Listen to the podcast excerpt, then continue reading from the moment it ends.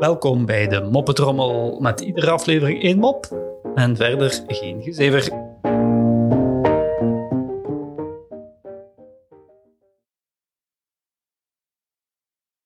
Een hopige man komt bij een tovenaar en vraagt: Kunt u een vloek wegnemen die al meer dan 25 jaar geleden over mij is uitgesproken?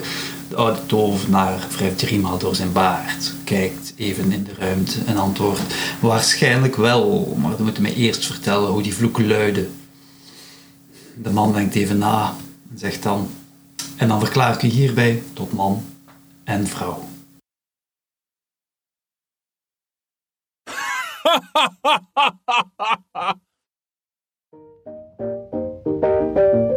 Zo, dat was de moppetrommel voor vandaag. En tot morgen.